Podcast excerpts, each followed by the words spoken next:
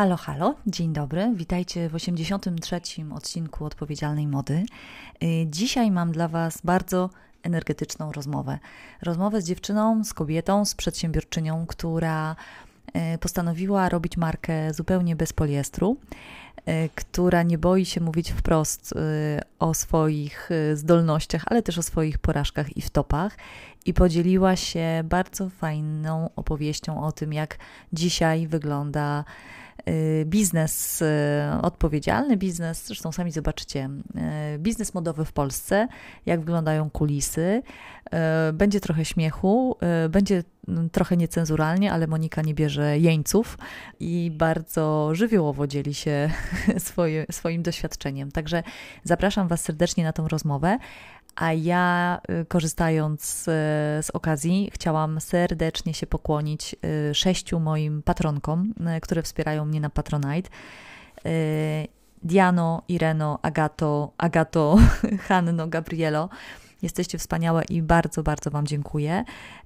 Tak jak dziękuję tym dziewczynom, które wspierają mnie na serwisie Buy Coffee kupując mi pojedyncze Y, małe lub całkiem zacne kawki. Y, w czerwcu były to trzy osoby, w lipcu też trzy, także Hania, Marta, Ela, Karolina, Bożena.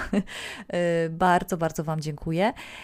No i tak sobie pomyślałam, że słuchajcie, gdyby każdy, kto lubi i słucha moich podcastów, choć raz zafundował mi kawę za piątkę, no to naprawdę byłoby to całkiem zacne zasilenie mojego y, nadszarpniętego wakacyjnie konta. Pomyślcie, czy macie na to przestrzeń, a tymczasem zapraszam Was gorąco do, znaczy na tą rozmowę. Dbajcie o siebie, trzymajcie się albo się puszczajcie, co tam komu w duszy gra. Miłego odsłuchu. Monika, zanim zaczniemy naszą rozmowę, a tematów jest dużo i myślę, że będzie będzie ciekawie, no to powiedz proszę, kim ty jesteś i co robisz? Nazywam się Monika Kamińska i od 8 lat prowadzę swoją e, autorską markę modową, która nazywa się tak jak ja, czyli również Monika Kamińska.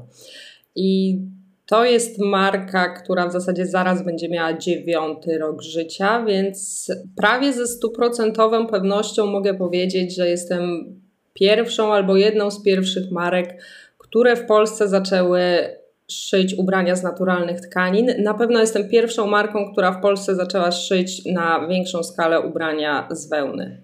Mhm. Okej. Okay. I w ogóle kwestie materiałów, materiałów naturalnych to jest coś, co bardzo mocno wybrzmiewa w całej takiej komunikacji marki. No i ty zachęcasz kobiety, żeby ćwiczyły wełnie, żeby na imprezy nie zakładały poliestrowych kiecek. Mówisz, że akryl śmierdzi i jesteś taką no, pogrączynią poliestru, więc powiedz mi, od kiedy i właściwie dlaczego? Skąd wiesz, y, jak to się stało, że poszłaś na tą wojnę z syntetykami? Wszystko zaczęło się 9 lat temu, kiedy na jednym ze spotkań blogerów, bo ja wcześniej byłam blogerką e, lifestyle'ową, e, poznałam Romana Zaczkiewicza, teraz e, właściciela marki Zakroman, który w tamtym czasie zajmował się dystrybucją tkanin właśnie wełnianych z Włoch do Polski.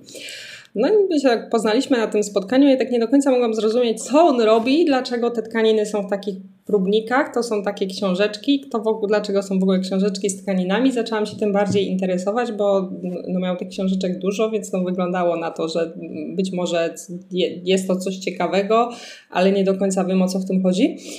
I on mi zaczął tłumaczyć, on w sensie Roman, zaczął mi tłumaczyć różnicę pomiędzy wełną a poliestrem. I wydaje mi się, że to był taki błysk w moim życiu, bo ja zrozumiałam e, wtedy, dlaczego przez poprzednie 24-5 lat życia tak naprawdę ja całą zimę wyglądałam jak ludzik Michelin, czyli zakładałam podkoszulkę, na podkoszulkę zakładałam sukienkę, na sukienkę zakładałam sweter, następnie zakładałam jeden szalik pod płaszcz, płaszcz, drugi szalik na płaszcz i jeszcze najlepiej dwie czapki i po prostu wychodziłam z absolutnym płaczem, po prostu płaczem z domu, trzęsłam się cała, ja się całe zimy trzęsłam, autentycznie cata chodziłam tak. Aha. Jak tylko się zbliżała, zbliżała zima, to ja myślałam, że e, nie wiem, zwariuję, bo to, to, to było najgorsze pół roku mojego życia. Było mi wiecznie zimno. Mm, I dopiero zrozumiałam tą różnicę pomiędzy wełną a poliestrem, czy tak naprawdę w, tym, w tamtym momencie bardziej wełną, a akrylem, bo okazało się, dotarło do mnie, że ja nosiłam po prostu poliestrowe sukienki, akrylowe swetry, płaszcze tak naprawdę również syntetyczne, jakiś poliamid z akrylem i nie miało znaczenia to, ile warstw ja na siebie założę, bo i tak mi było zimno. Ewentualnie było mi ciężko z powodu tych warstw, które miałam na sobie, ale nadal było mi zimno.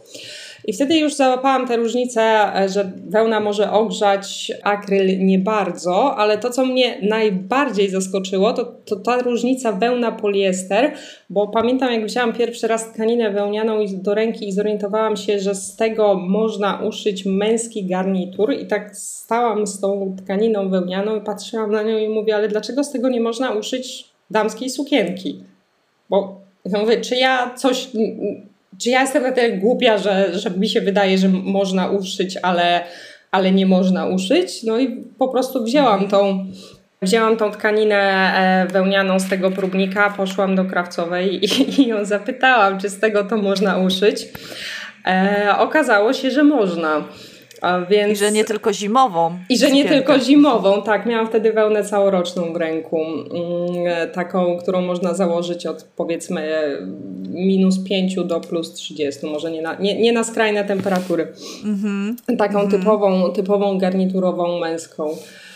I to był naprawdę błysk w moim życiu, bo ja chciałam sobie to kupić.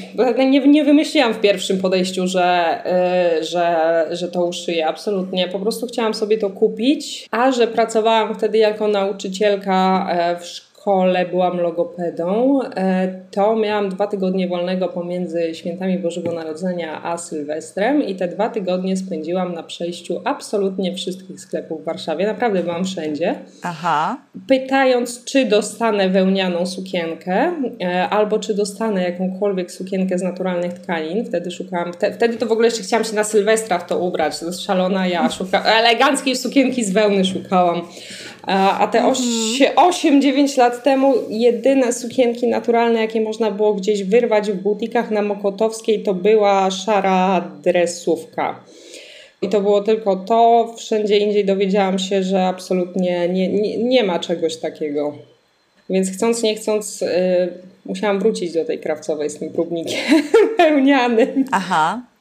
A powiedz, y, nie miałaś wtedy takiej myśli, że jeśli tego nie ma, to może dlatego, że nikt tego nie chce, albo może dlatego, że to jednak nie wypali? Czy miałaś od razu taką intuicję, że y, wiesz, że, że złapałaś jakiś taki super trop? Trochę miałam. To jest jedyna rzecz, jakiej hmm. się mhm. nauczyłam na zajęciach z przedsiębiorczości w liceum, to jest luka na rynku. Okej. Okay. Poza tym nie wiem, co tam się działo na tych zajęciach. Trochę miałam. E, Trochę też to był taki moment, że e, ja niewiele ryzykowałam, bo ja miałam 24 lata. Pracowałam e, w szkole, byłam świeżo po studiach. Nie zarabiałam na pracy w szkole e, żadnych potężnych pieniędzy. Moja pensja wtedy wynosiła, i chyba zapamiętam to do końca życia, 1830 zł netto po pięciu latach studiów magisterskich i po dyplomówce.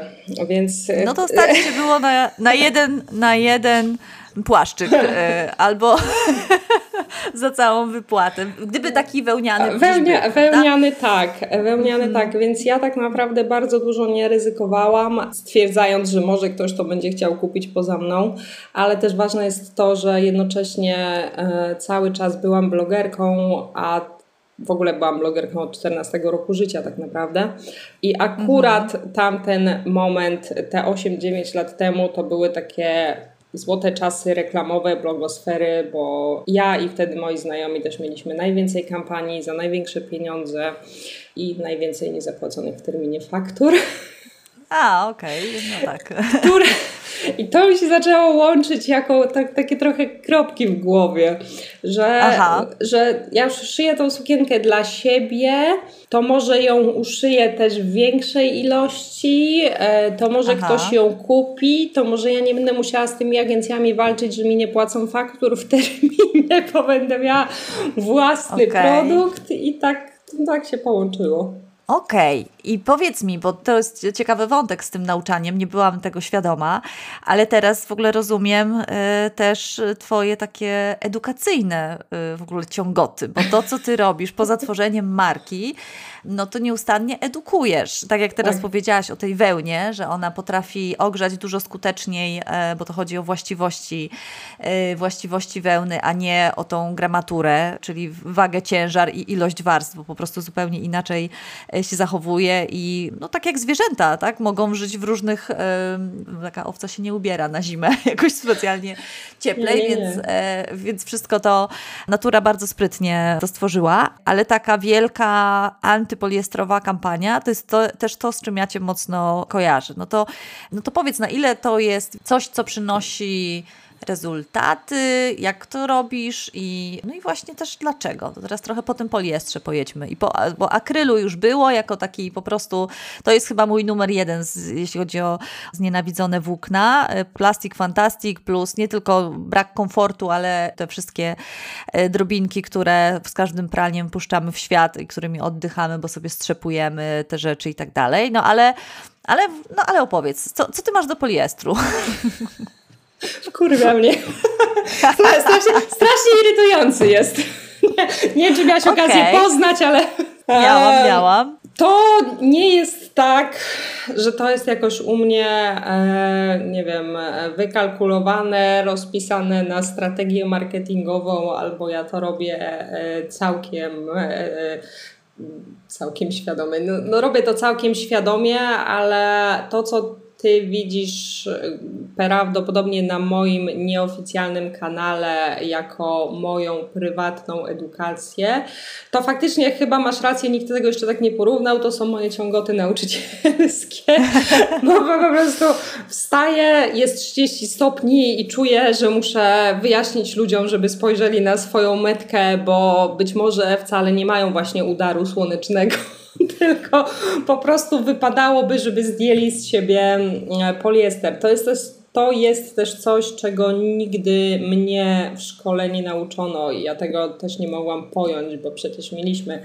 zajęcia praktyczno-techniczne w podstawówce, na których się uczyliśmy robić surówki z jabłka i marchewki, ale z bliżej mhm. nieznanych powodów nikt nie wytłumaczył nam, co na siebie zakładać, żeby nam było ciepło, albo co na siebie zakładać, żeby nam było zimno, a przecież ubierać się musimy e, codziennie.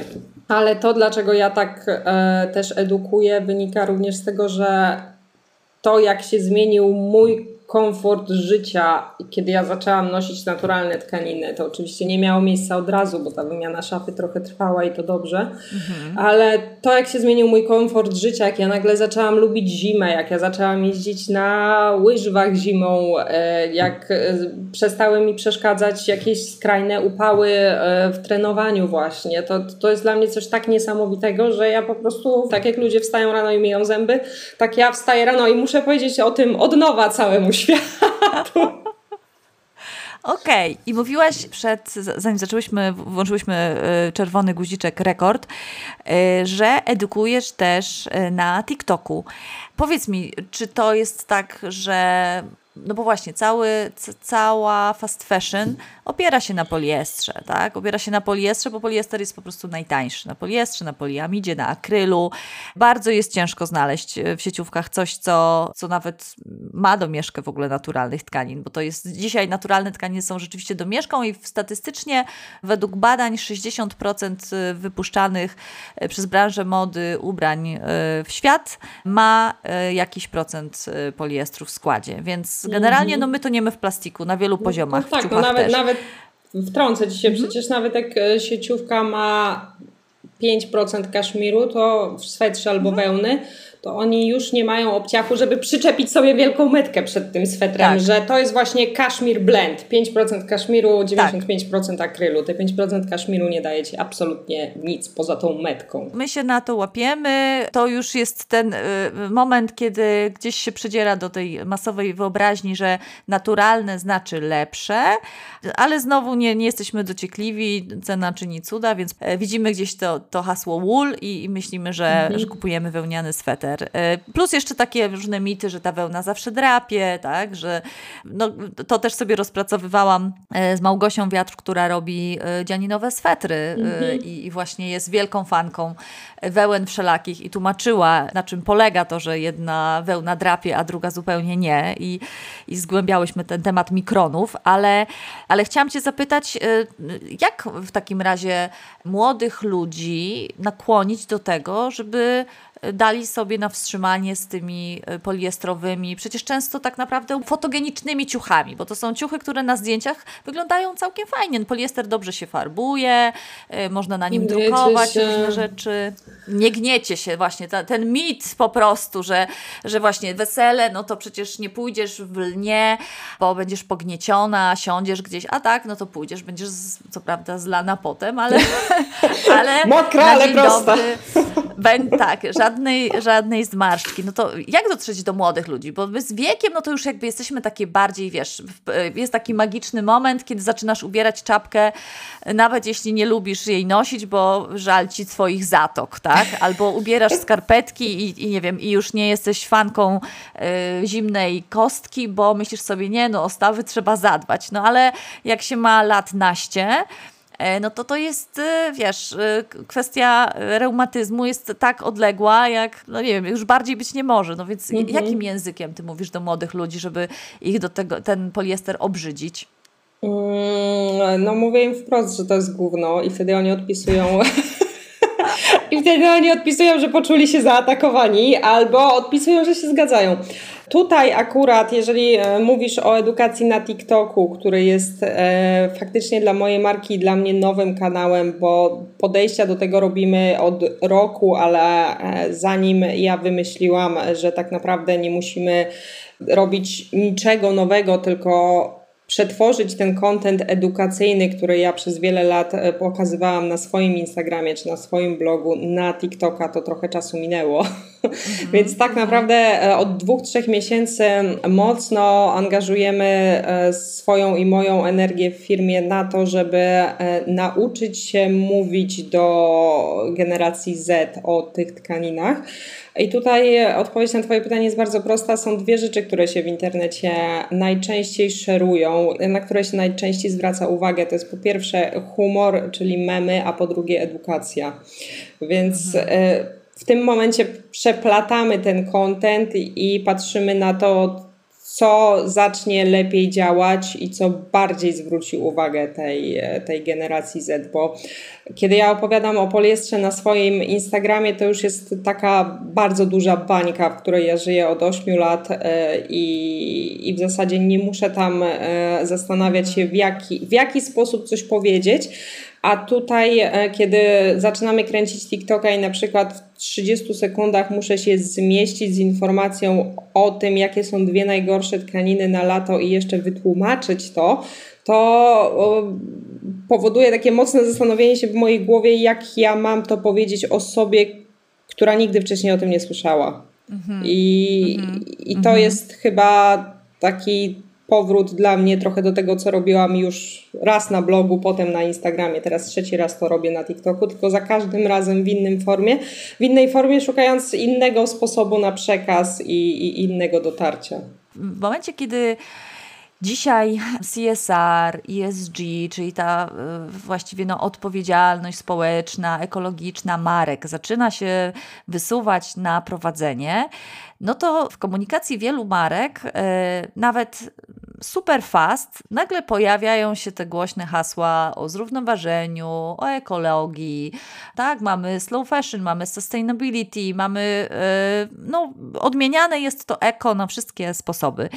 I chciałam Cię zapytać, bo u Ciebie na stronie jest e, tego mało, a tak naprawdę no, naturalne, dobre materiały, trwałość, rzemiosło to jest coś, co, co wiele marek bardzo mocno eksponuje, nadając temu te etykietki właśnie slow, sustainable i tak dalej. Więc na czym ty opierasz ten e, swój pomysł na biznes? Czy ty myślisz o sobie jako o marce slow?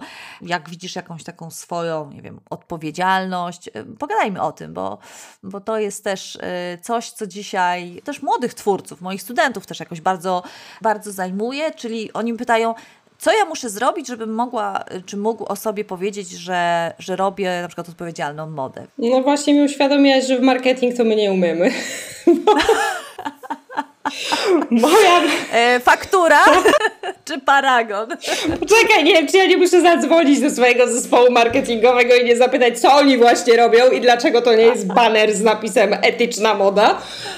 E, bo my naprawdę mamy, i to mamy to od zawsze. E, od kiedy prowadzę markę, mamy absolutnie wszystkie możliwe certyfikaty. Mamy ZQRX, Better Cotton, mamy GOTS, e, co, co chcesz. Korzystamy z deadstocków. Wybierz certyfikat, pokażę Ci, co jest z tego certyfikatu u mnie, u mnie w sklepie ale mm, no nie ma, pe pewnie źle, że nie mamy tego na banerach, dlatego że e, najprawdopodobniej jeżeli wchodzą do mnie do sklepu nowe osoby, które mnie nie znają, to nie mają zielonego pojęcia na czym ta marka polega, ale e, nie mamy tego na banerach, e, bo na banerze to sobie można wszystko napisać.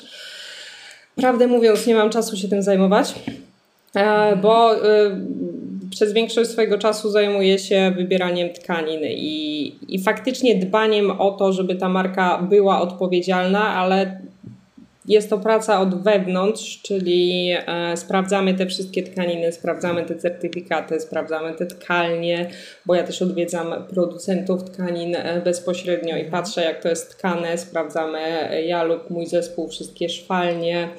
Też jesteśmy tam osobiście i dbamy o to. I gdzieś na końcu dnia chyba zapominamy napisać o tym na banerze.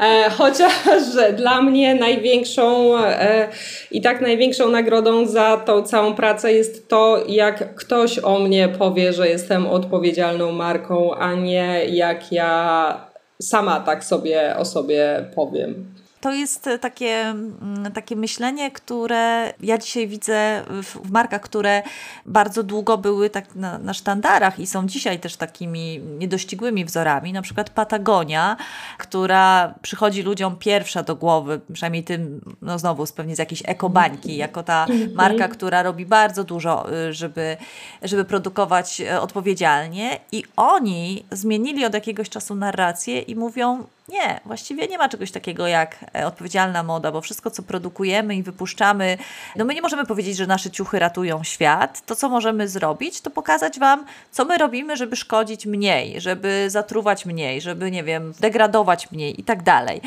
I jak dokładamy się, żeby to kompensować, tak? Bo oni poszli w, w jakieś inne rozwiązania. I tak sobie myślę, że może jesteśmy na takim, w takim momencie, że tutaj nie masz co nadrabiać. Anulować tego maila z tym banerem? Moż, tak, że możesz, myślę, że możesz anulować tego, tego maila, bo może się okazać, że właściwie jesteś w tej grupie znowu pionierskiej, która mówi, nie, my po prostu robimy nasze rzeczy tak i tak. Natomiast e, jakby nie sprzedajemy tych, wiesz, tych okrągłych, pustych haseł, które się dzisiaj zdewaluowały, bo tak naprawdę rzeczywiście jak wszyscy nagle są eko, no to, no to co to eko znaczy. To po prostu nie o to chodzi, to też coś mnie strasznie denerwuje, że mm, no bycie eko to nie jest zrobienie jednej kampanii o tym, że jesteśmy eko. Tak.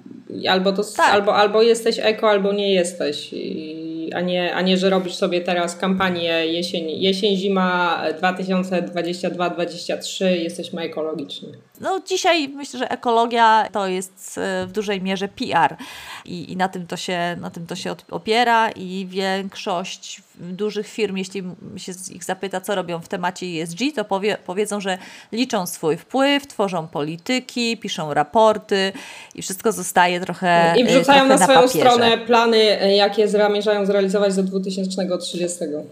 lub 50. Tak. Dokładnie.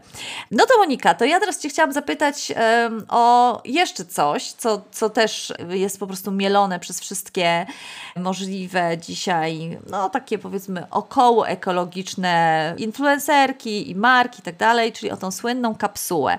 Jak to jest z tą, z tą szafą kapsułową? Bo masz, chyba masz na ten temat jakieś swoje wywrotowe zdanie.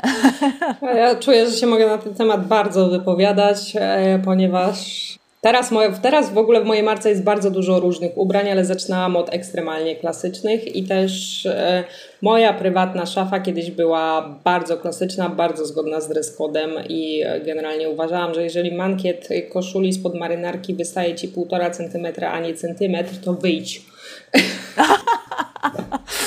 Okej. Okay. E, bo tam ma być centymetr i po, po, po, półtora to nie mam. I moje podejście się bardzo zmieniło wraz z tym, im bardziej poznawałam modę, im bardziej poznawałam siebie i prawdopodobnie im bardziej dojrzewałam, bo założyłam markę mając 25 lat, więc o życiu to ja wiedziałam niewiele.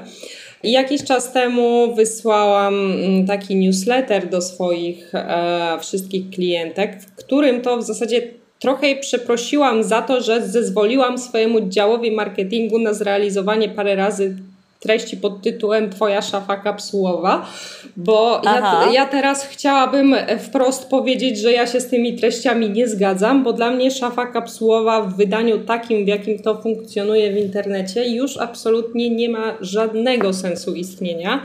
I nie widzę tego, żeby każda kobieta musiała mieć w szafie czarne spodnie, biały t-shirt, e, trench, ekri, e, jedwabną koszulę e, i co tam I jeszcze w tej... Słynną tej... skórzaną ramoneskę. Boże, ni, ni, nigdy nie miałam.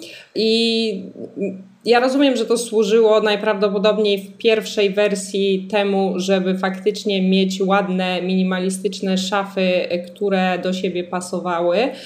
W drugiej wersji służyły już głównie temu, żeby opchnąć ludziom jak najwięcej białych t-shirtów, bo wiadomo, że w szafie kapsułowej musisz mieć 15 różnych białych t-shirtów, które pasują do Twoich kapsułowych spodni. Mhm. Ale e, wysłałam właśnie ten newsletter z takim załączonym e-bookiem, e, w którym pokazałam swoją szafę kapsułową, kapsułową, tą nowoczesną i swoją definicję tej szafy kapsułowej, bo wydaje mi się, że można mieć w szafie pięć par spodni w kwiatki i nadal mówić, że to jest szafa kapsułowa i nie mieć tam żadnych mm czarnych spodni, no bo przecież szafą kapsułową powinno być to, co jest dla nas kapsułą, a nie to, co jest kapsułą dla redaktorki w gazecie, która wrzuca tam e, opłacone e, z zewnątrz pakszoty. Więc coś takiego, co najbardziej mi dało do myślenia. Ja się bardzo lubię zajmować analizą trendów e, i tego, jak społeczeństwo wpływa na trendy i między innymi tego, jak generacja Z wpłynęła na trendy. I nie wiem, czy wiesz, jaki jest najbardziej popularny trend prognozowany na 2023 rok ale mówisz o stricte odzieżowym, czy w jakichś takich makrotrendach? Odzieżowy.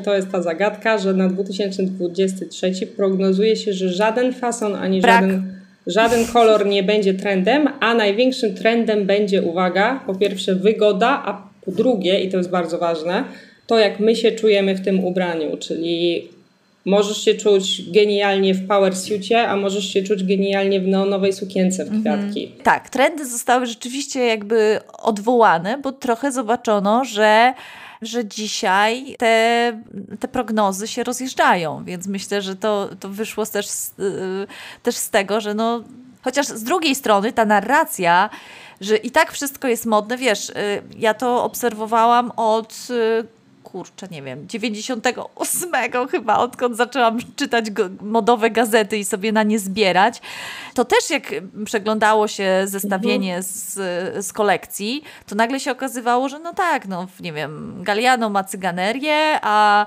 y, Gucci dalej ma landrynki i tak dalej, ale jednak y, myśmy wiedzieli, co jest, wiesz, co jest obciachem, co wolno, co nie wolno. ale jednak to... w latach 90. musiałaś tak. założyć pasek do koszuli, bo przecież musiałaś mieć talię. Mhm. Czyli twoja kapsuła dziś. Moja kapsuła dziś została odwo odwołana. Nie ma, nie ma kapsuły. Ja tam wymieniłam nawet w tym newsletterze trzy takie rzeczy, bo spojrzałam na swoją szafę yy, i zastanawiałam się, czego mam najwięcej. Więc w tym momencie, jeżeli mam wymienić, co jest moją kapsułą, no to na pewno to są gar garnitury. E, bo w tym nie przestanę nigdy chodzić, bo to jest po prostu najwygodniejsze ubranie na świecie. Po drugie, sukienki w kwiatki, których mam potężną mhm. ilość, e, bo, bo po prostu lubię kwiatki. I to nie ma nic wspólnego z tymi garniturami, a już na pewno do tego nie pasuje, e, ale mhm. przecież nie noszę tego razem. A po trzecie, mm, odzież sportowa, no bo jednak nie da się ukryć, że mam pięć treningów w tygodniu, więc bardzo często po prostu wychodzę z domu w ubraniach sportowych. To jest ciekawe, co powiedziałaś o garniturach. Jaki musi być garnitur, żeby był wygodny? Bo tu myślę, że się niektórym otworzyły szerzej, szerzej oczy. Jak to wygodny garnitur? No na pewno musi być wełniany przede wszystkim. Okay. E, ta wygoda w wełnianym garniturze polega na tym, e, że to jest trochę takie, nie, nie, nie wiem czy do końca można o tym mówić, bo ludzie, którzy nie mają w szafie naturalnych tkanin, to sądzą e, potem, że jesteśmy flejtuchami. W każdym razie wełnianego garnituru nie trzeba często prać. Mm -hmm. Więc to jest naprawdę e, bardzo wygodne, ponieważ wełna nie pochłania zapachów i tak naprawdę nie pochłania większego brudu, jeżeli gdzieś się coś zaplami, zaplami to to w bardzo prosty sposób można zaprać wodą albo mydłem, ale nie, nie wymaga to noszenia e, do pralni tego z każdą mhm. plamą. E, kolejna niesamowicie wygodna rzecz, która jest dla mnie wspaniała w garniturach wełnianych, to to, że kiedy odwiesisz je w nocy na wieszak, to tak naprawdę rano nie musisz ich już prasować, bo on, te wszystkie zagniecenia, które powstają na wełnie w większości wyprostowują się same, jeżeli to jest dobrze powieszone i ja prawdę mówiąc nie przypominam sobie w życiu swoim sytuacji, żebym uprasowała garnitur. To się chyba nie wydarzyło. To się chyba nie wydarzyło to trochę zajmuje y, czasu, żeby sobie odpowiedzieć, że na przykład y, sukienki lubimy kupować, ale na przykład nie, chodzimy w nich, nie? Więc są, mamy czasem takie, są takie, takie rzeczy i takie pułapki, y, że lubimy coś kupować, w czymś sobie siebie wyobrażamy, a potem 55 raz z kolei mierzymy i odwieszamy, więc ja tak miałam trochę ze spódnicami na przykład, więc y, możemy to y, zgodnie, myślę, y, tutaj przyznać, że kapsuła jest zawsze totalnie indywidualna mhm. E, sprawą i na tym polega kapsułowość, żeby mieć coś, co służy nam, a nie według mhm. jakiegoś klucza wymyślonego przez kogokolwiek. Więc tutaj Tutaj piona.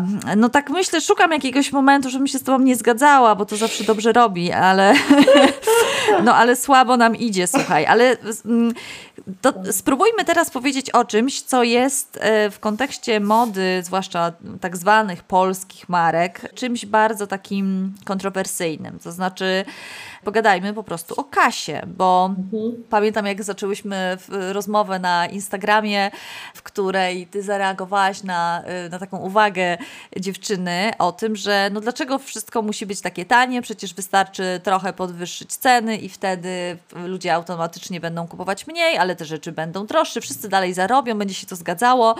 No nie jest to takie proste, więc pytanie do Ciebie, jak prowadzić markę z, z wełnami, z, z jedwabiem, z wełną, z lnami i nie zbankrutować po prostu? Jak, to, jak e, wiesz, udźwignąć te wymagania rynku i te przyzwyczajenia klientów, że wszystko jest no, tanie, no tanie jak barszcz? Jaki masz na to sposób? To jest bardzo dobrze zadane pytanie. Bardzo się cieszę, że nie zadałaś tego pytania w sposób, jak prowadzić markę modową i zarobić dużo, tylko zadałaś, jak prowadzić markę modową i nie zbankrutować. No, no wiesz, zacznijmy od podstaw, bo, bo potem, potem można już, wiesz, rosnąć albo się rozwijać. Natomiast ilość marek, które po jednej kolekcji się po prostu poddały, no to myślę, że idzie, no nie wiem, może i w tysiące y, takich złotych strzałów. Y, i równie hucznych upadków było, było i jest do tej pory dużo.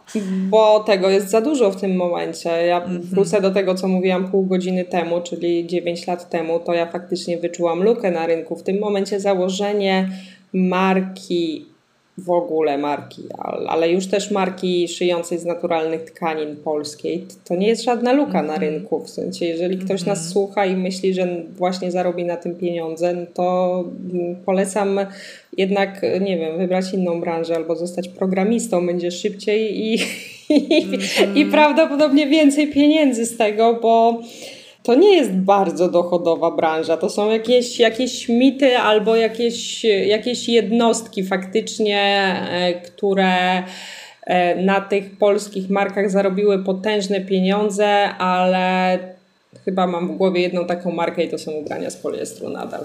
Więc nie wiem, mhm. czy ktoś zarobił jakieś takie naprawdę gigantyczne pieniądze na naturalnych tkaninach, co nie znaczy, że ja nie wiem, co ledwo wiąże koniec z końcem. E, mhm. y, no nie, nie, bankrutuję, odpukam może w coś. E, Odpukaj. Odpukałam. Tylko nie w słuchawki, nie w kolczyki. Odpukałam. Ale przede wszystkim trzeba się zastanowić, po co komu ma być ta marka, bo jak ja zakładałam, nie chcę brzmieć trochę jak taka stara baba, która zrobiła coś 9 lat temu i, i jej wyszło E, albo raczej umiała to zrobić, a teraz wszystkich krytykuje, ale, ale prawdopodobnie tak to zabrzmi. E, trudno powiem to. To miało być coś bardziej kontrowersyjnego. Jak ja zakładałam swoją markę, to, to, to co mnie do tego pchnęło, to faktycznie odkrycie tej różnicy pomiędzy wełną, wełną a poliestrem. A te wszystkie nowe marki mają jeden wspólny koncept i zaczyna się on od bardzo długo szukałam idealnej sukienki w sklepie, ale nie mogłam jej dla siebie znaleźć, dlatego postanowiłam otworzyć swoją markę, jakby krawcowych na rynku nie było i nie można było sobie tej sukienki uszyć. Mhm. I to jest tak, że e, naturalne ubrania sprzedaje się bardzo ciężko. Ten proces zarabiania tych pieniędzy jest bardzo długi. Większość tych e, pieniędzy tak naprawdę, wszystko co ja zarobiłam na wiośnie i na lecie, ja już mam w tkaninach na jesień i na zimę. E, stoi to u mnie w biurze.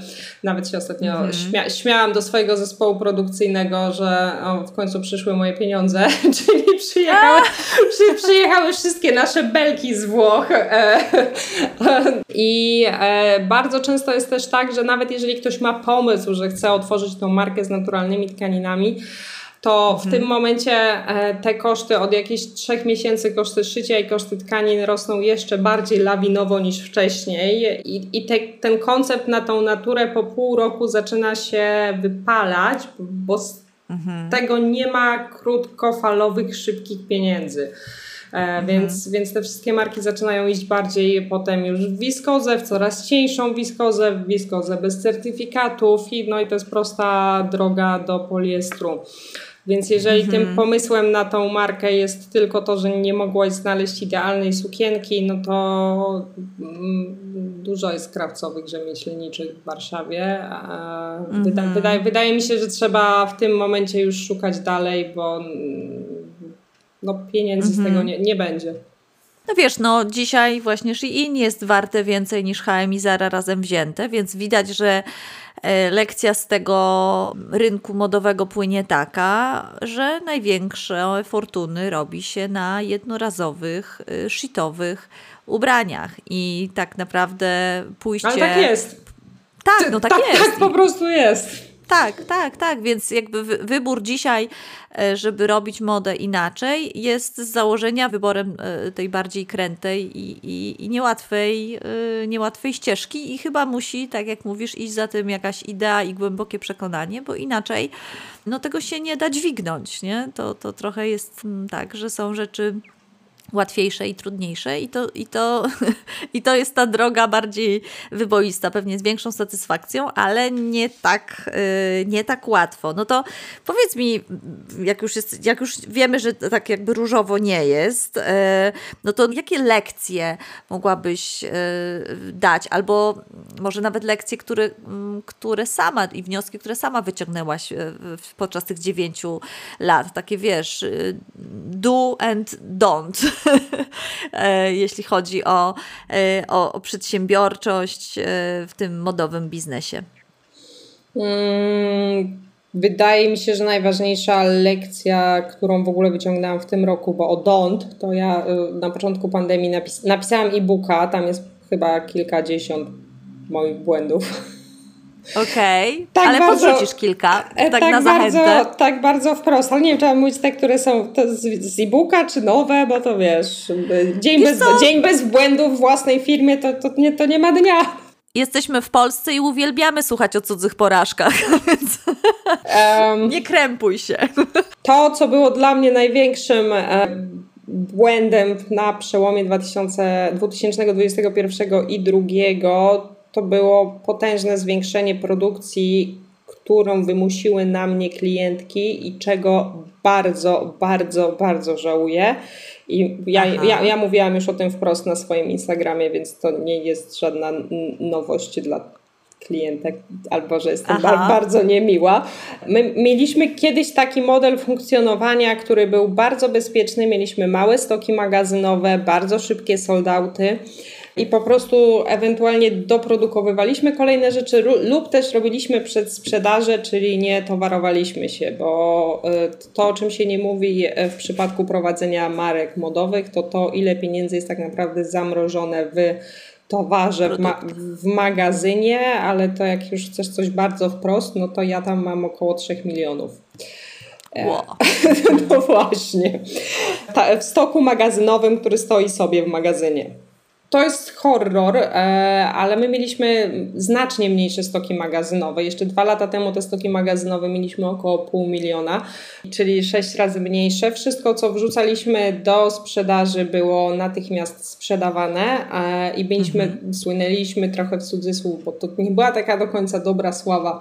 Słynęliśmy z soldautów e, w pięć mhm. minut, już naprawdę maksymalnie w 2-3 godziny potrafiliśmy Tak, ja to kojarzę, takie polowanie E, polowanie na. E, no na, i właśnie, i właśnie mhm. moim zdaniem to słowo polowanie za dużo namieszało mi w głowie, bo e, ja pamiętam, jak my wypuściliśmy pierwszy raz t-shirty z bawełny Supima i one nam się sprzedały w ciągu trzech minut. I ja zamiast się cieszyć, że sprzedałam w ciągu trzech minut stok magazynowy, który no nie był mały, bo to nadal były potężne pieniądze, ale też nie był olbrzymi, to mhm. zostałam tak zaatakowana przez klientki, tak zbesztana, tak zwyzywana, że ja się o po prostu matko. usiadłam i popłakałam. Były, zamiast się cieszyć z tego soldautu, były takie zachowania, oczywiście to jest wiesz 2-3% klientek, ale one są zwykle najgłośniejsze. Były takie zachowania, jakbym ja sprzedawała nie t-shirt, a jakiś lek na receptę. Wodę na pustyni. Lek na mhm. receptę, no. Tak. Wiesz, no nie ten t-shirt to następny, a i owszem, mój jest najlepszy, ale no nie róbmy z tego takiej, takiej dramy. Mhm.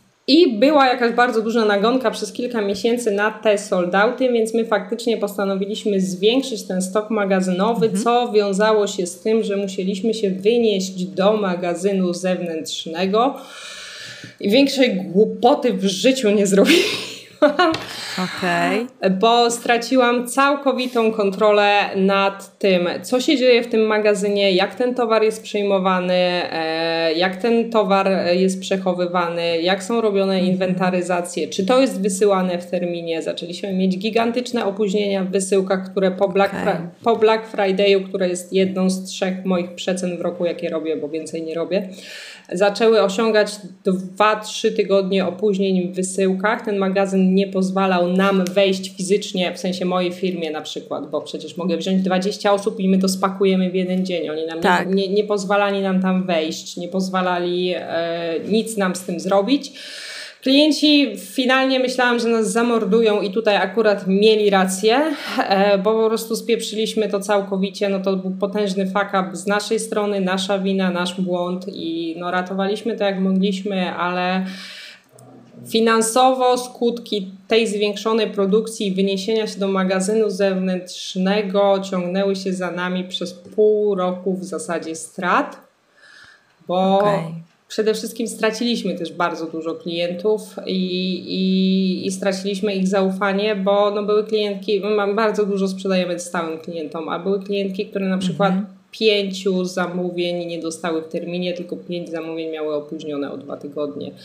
I choćbym mhm. nie, nie, absolutnie nie wiem, co zrobiła, e, a naprawdę cuda na kiju próbowaliśmy zrobić, to nie dało rady tego, tego nad tym zapanować w, tym, mhm. w tym momencie. W końcu totalnie na wariata zaczęliśmy zabierać te rzeczy z tego magazynu.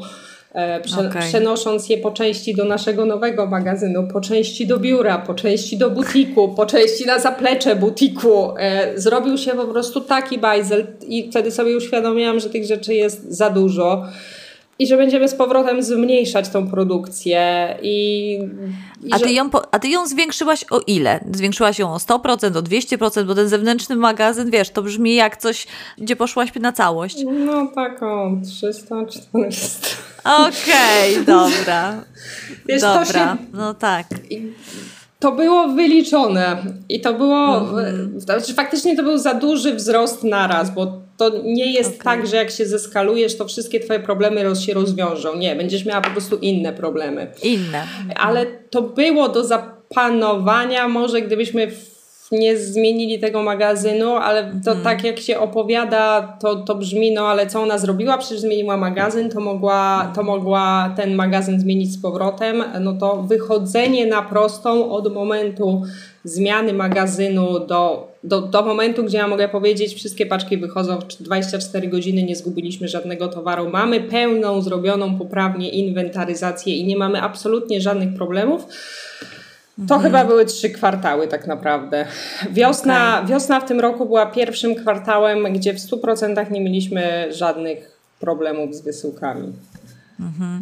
Ale to jest super, że o tym mówisz, wiesz, bo ciągle praca w modzie jest tak potwornie idealizowana, tak? I, y, i, i widać to, co widać, to są, to są ścianki, to są e, fajne zdjęcia na Instagramie, to są kampanie. Myślę, że to tak bardzo przyciąga mhm. ludzi do mody, nawet tych, którzy w ogóle z branżą nie mają pojęcia, tylko myślą, że po prostu dzisiaj wszyscy mogą, wiesz, projektować. Każdy, kto po prostu lubi ubrania, może mieć swoją markę. Każdy, komu kiedykolwiek ktoś powiedział, że fajnie wygląda, też czuje, że mógłby być projektantem lub projektantem projektantką, plus każdy, kto ma jakieś z, grono fanów, followersów, też oczywiście może mieć markę, bo z automatu zakłada się, że ma klientów, yy, których yy, namówi na, na zakup wszystkiego, więc yy, no, ten taki worek, to zaproszenie do, do branży modowej, no to wydaje się tak totalnie jakby otwarte i, i bardzo często y, no tam czeka kupa niespodzianek,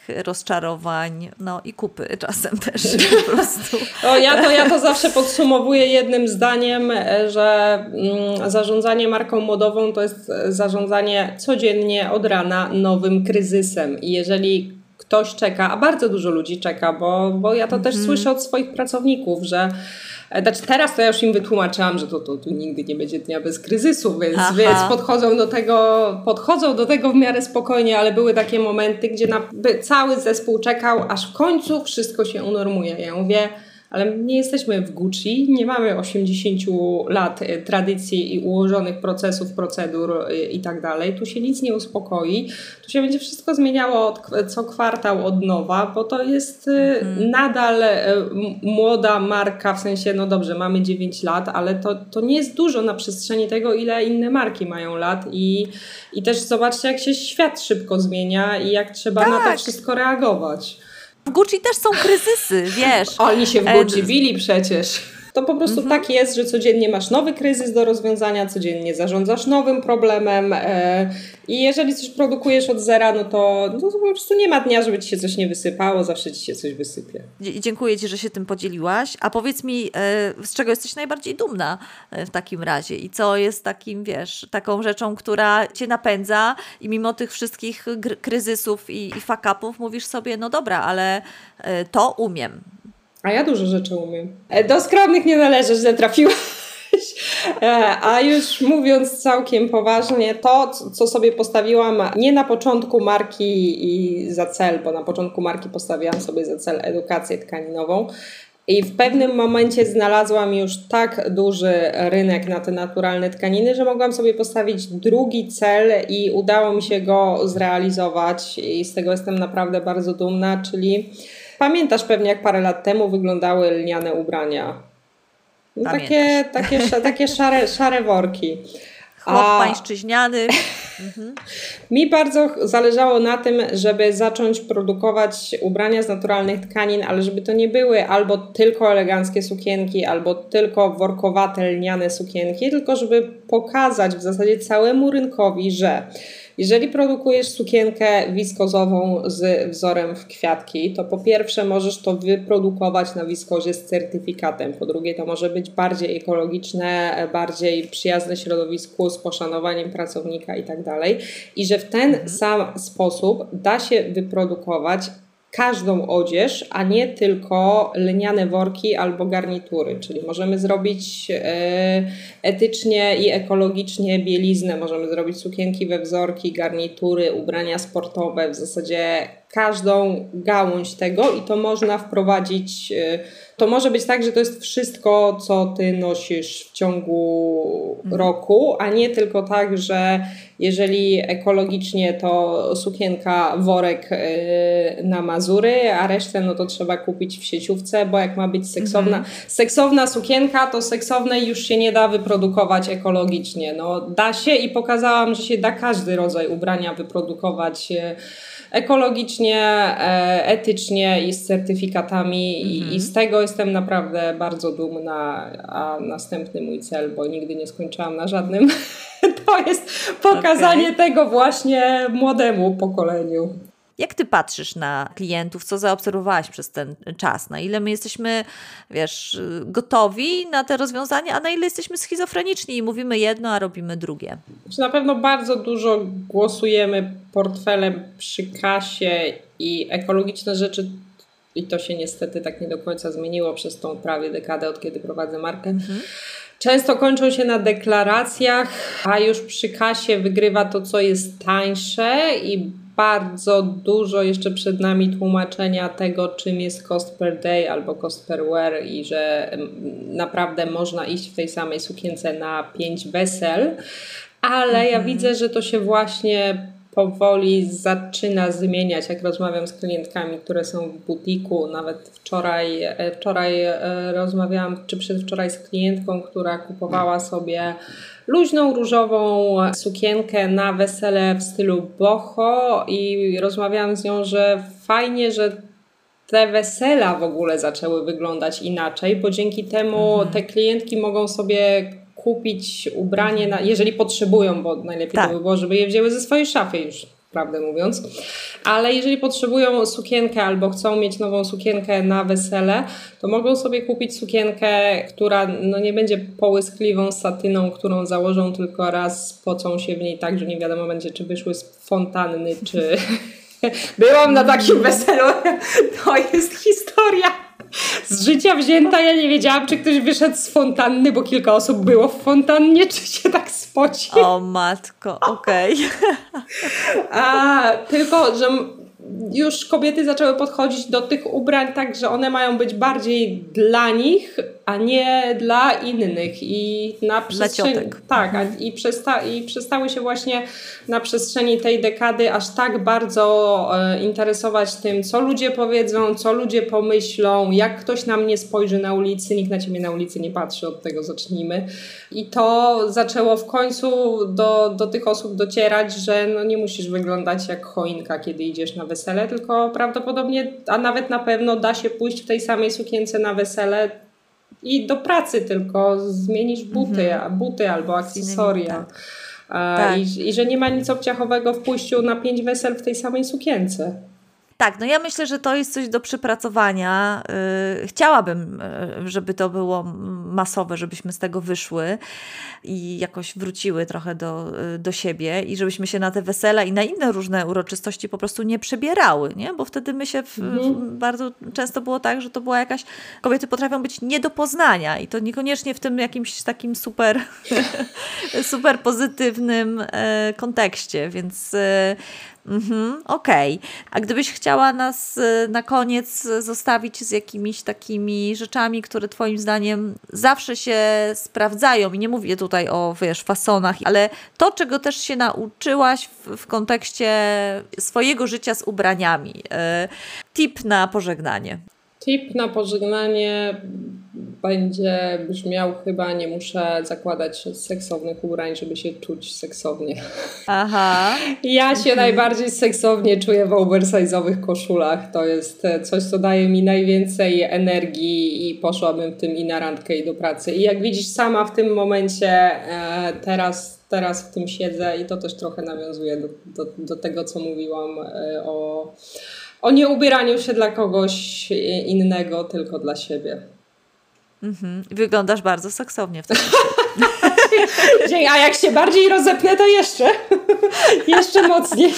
Dokładnie tak.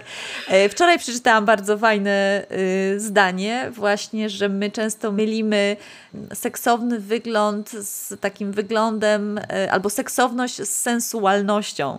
E, mhm. ja specjalnie powiedziałam, tak... powiedziałam seksowny tip, bo to, tak. jest, to, to, to jest, się jeszcze kojarzy z takim obcisłym bandażem. Nie? Tak. Chudłam to muszę założyć tak, żeby było widać, że schudłam, nie? Czym mniejsze ubranie, tym mniejsza ja. Mhm. Tak. Mhm. Tak, Tego nie słyszałam, tak... ale, ale dobre. Wiesz co, ja się rozprawiałam z tym mitem w, w, książce, bo to jest coś, co zawsze mnie y, jakoś tak y, bolało, że nie kupujemy ubrań, w których wyglądamy najlepiej, tylko fiksujemy się na te znaczki i numerki na, wiesz, na, na A, ubraniach tak, tak i tak, i mamy takie przekonanie, że jak się mhm. wciśniemy w coś, co ma rozmiar 36, to będziemy w tym wyglądać lepiej niż na przykład w rozmiarze 38. A tak.